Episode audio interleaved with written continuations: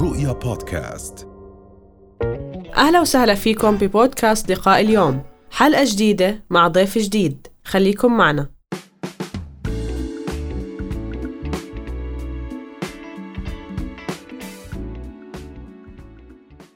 بدنا نحكي عن التوتر. عم نشوف قد إيه آه، كثير ناس عم بيشكوا من موضوع التوتر والحياة عم بتصير صعبة وهذا الإشي عم بيتضاعف وبراكم الأمور عليهم.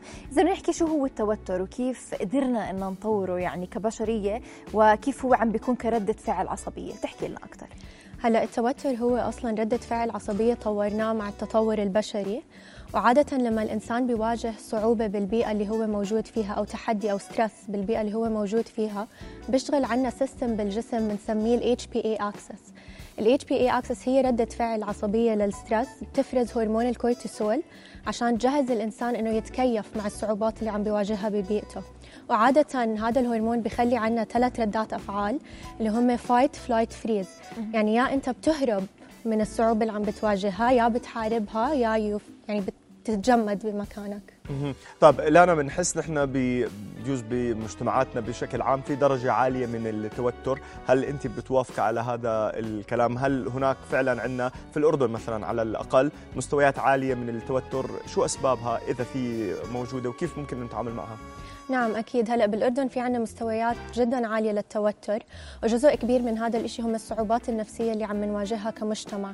هلأ آه، منظمة الصحة العالمية نشرت أنه الأردن هي أكثر بلد بالعالم تحتاج دعم مكثف لتحسين الصحة النفسية.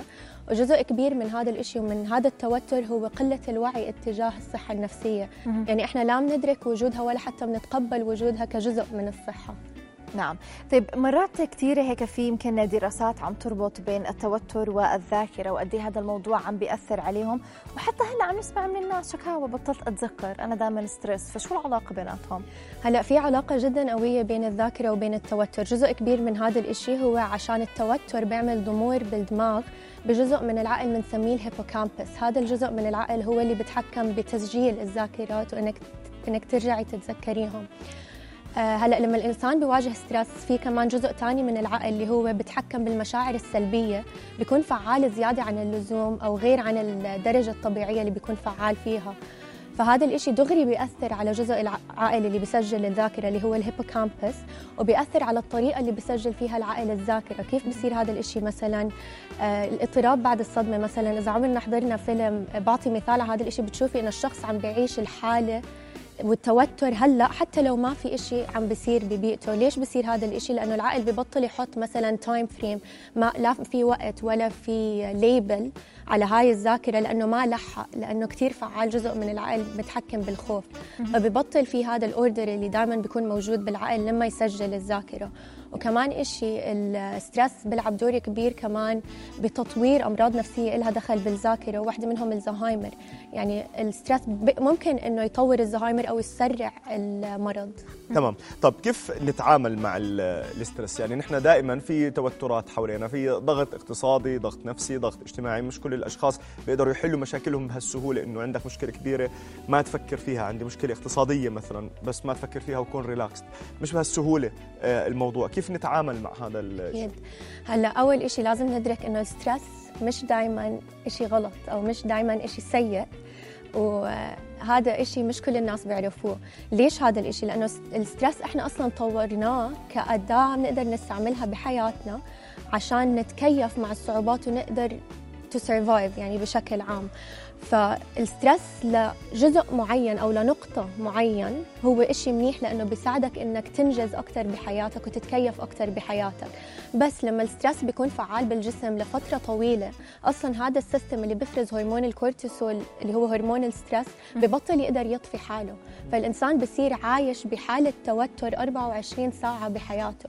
هذا الإشي هو اللي بيؤدي لاثار أثر بال بالإنجاز بالعلاقات الاجتماعية حتى بنفسية الشخص. عشان هيك الواحد مرات بصحى من النوم هو أصلا متوتر أو خايف أو تبع هو أصلا الكورتيزول شغال وهو نايم أصلا. بالضبط. system ه شغال حتى وهو نايم فهو متوتر حتى وهو نايم. بالضبط. هلأ كل حدا أول ما يصحى من النوم ولما يروح على النوم كمان في مستوى للكورتيسول بالجسم اللي هو بنسميه average بس الشخص اللي فعال عنده ال stress بشكل متكرر الهرمون هذا بيكون عنده يا كتير عالي يا كتير واطي وبعلى خلال اليوم.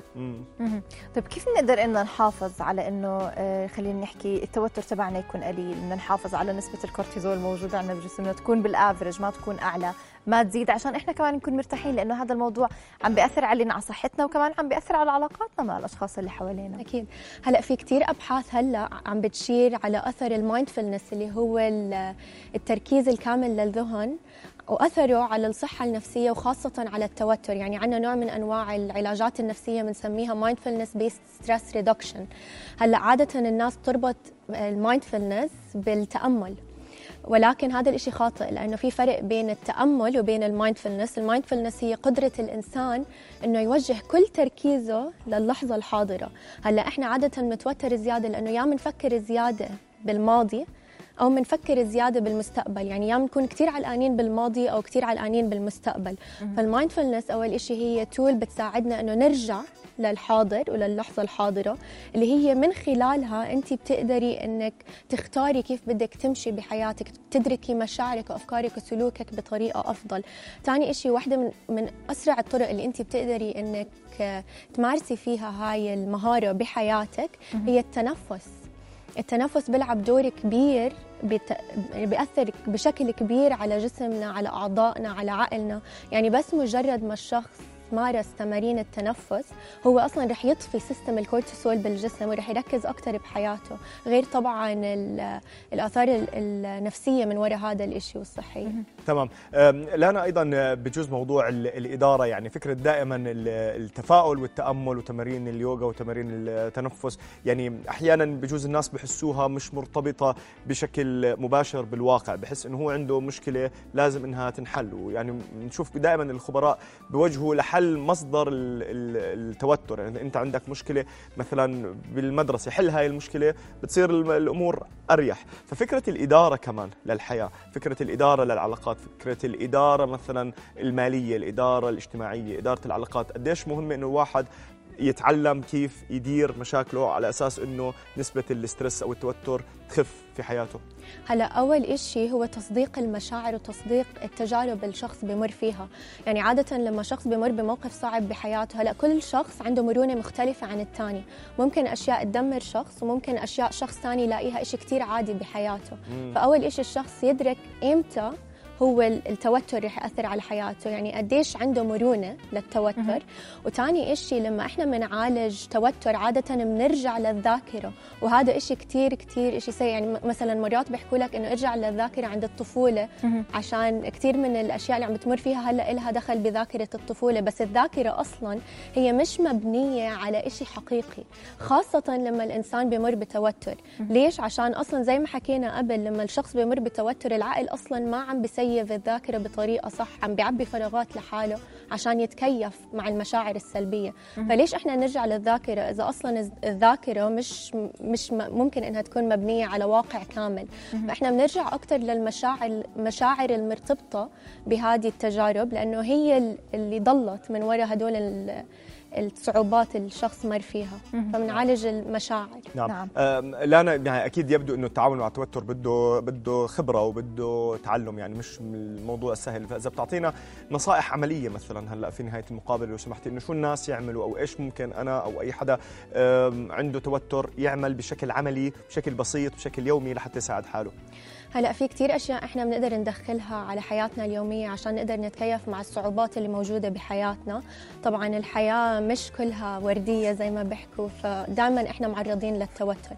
هلأ غير ال mindfulness زي ما قلنا تمارين التنفس الشخص بيقدر إنه يمارس الرياضة لأنه الرياضة لها أثر كبير على هرمونات السعادة بجسمنا فهي بتفرز نسميهم اندورفينز وهدول بيقللوا مستوى الكورتيسول بالجسم. كمان إشي الأكل. الأكل اللي إحنا بناكله له أثر كبير كمان على الهرمونات اللي بجسمنا. ودائما أنا بحب أستعمل مثال إنه الجوع هو أقوى غريزة عند الإنسان. فإذا الإنسان بتحكم بالأشياء اللي هو باكلها بيقدر يتحكم بأي شيء بحياته. فهي كمان نوع من أنواع التحكم بالذات. غير هذا الإشي كمان مو غلط إذا الشخص حاسس إنه هو عم بمر بتوتر صعب بحياته أو قلق بحياته أو عم بصير مثلا عنده نوبات قلق من وراء هدول التوتر إنه يروح عند طبيب نفسي أو أو أخصائي نفسي ويستشيره. نعم. شكرا لوجودك معنا لنا طويل وحضرتك أخصائية نفسية كلينيكية. أهلا وسهلا فيك. رؤيا بودكاست.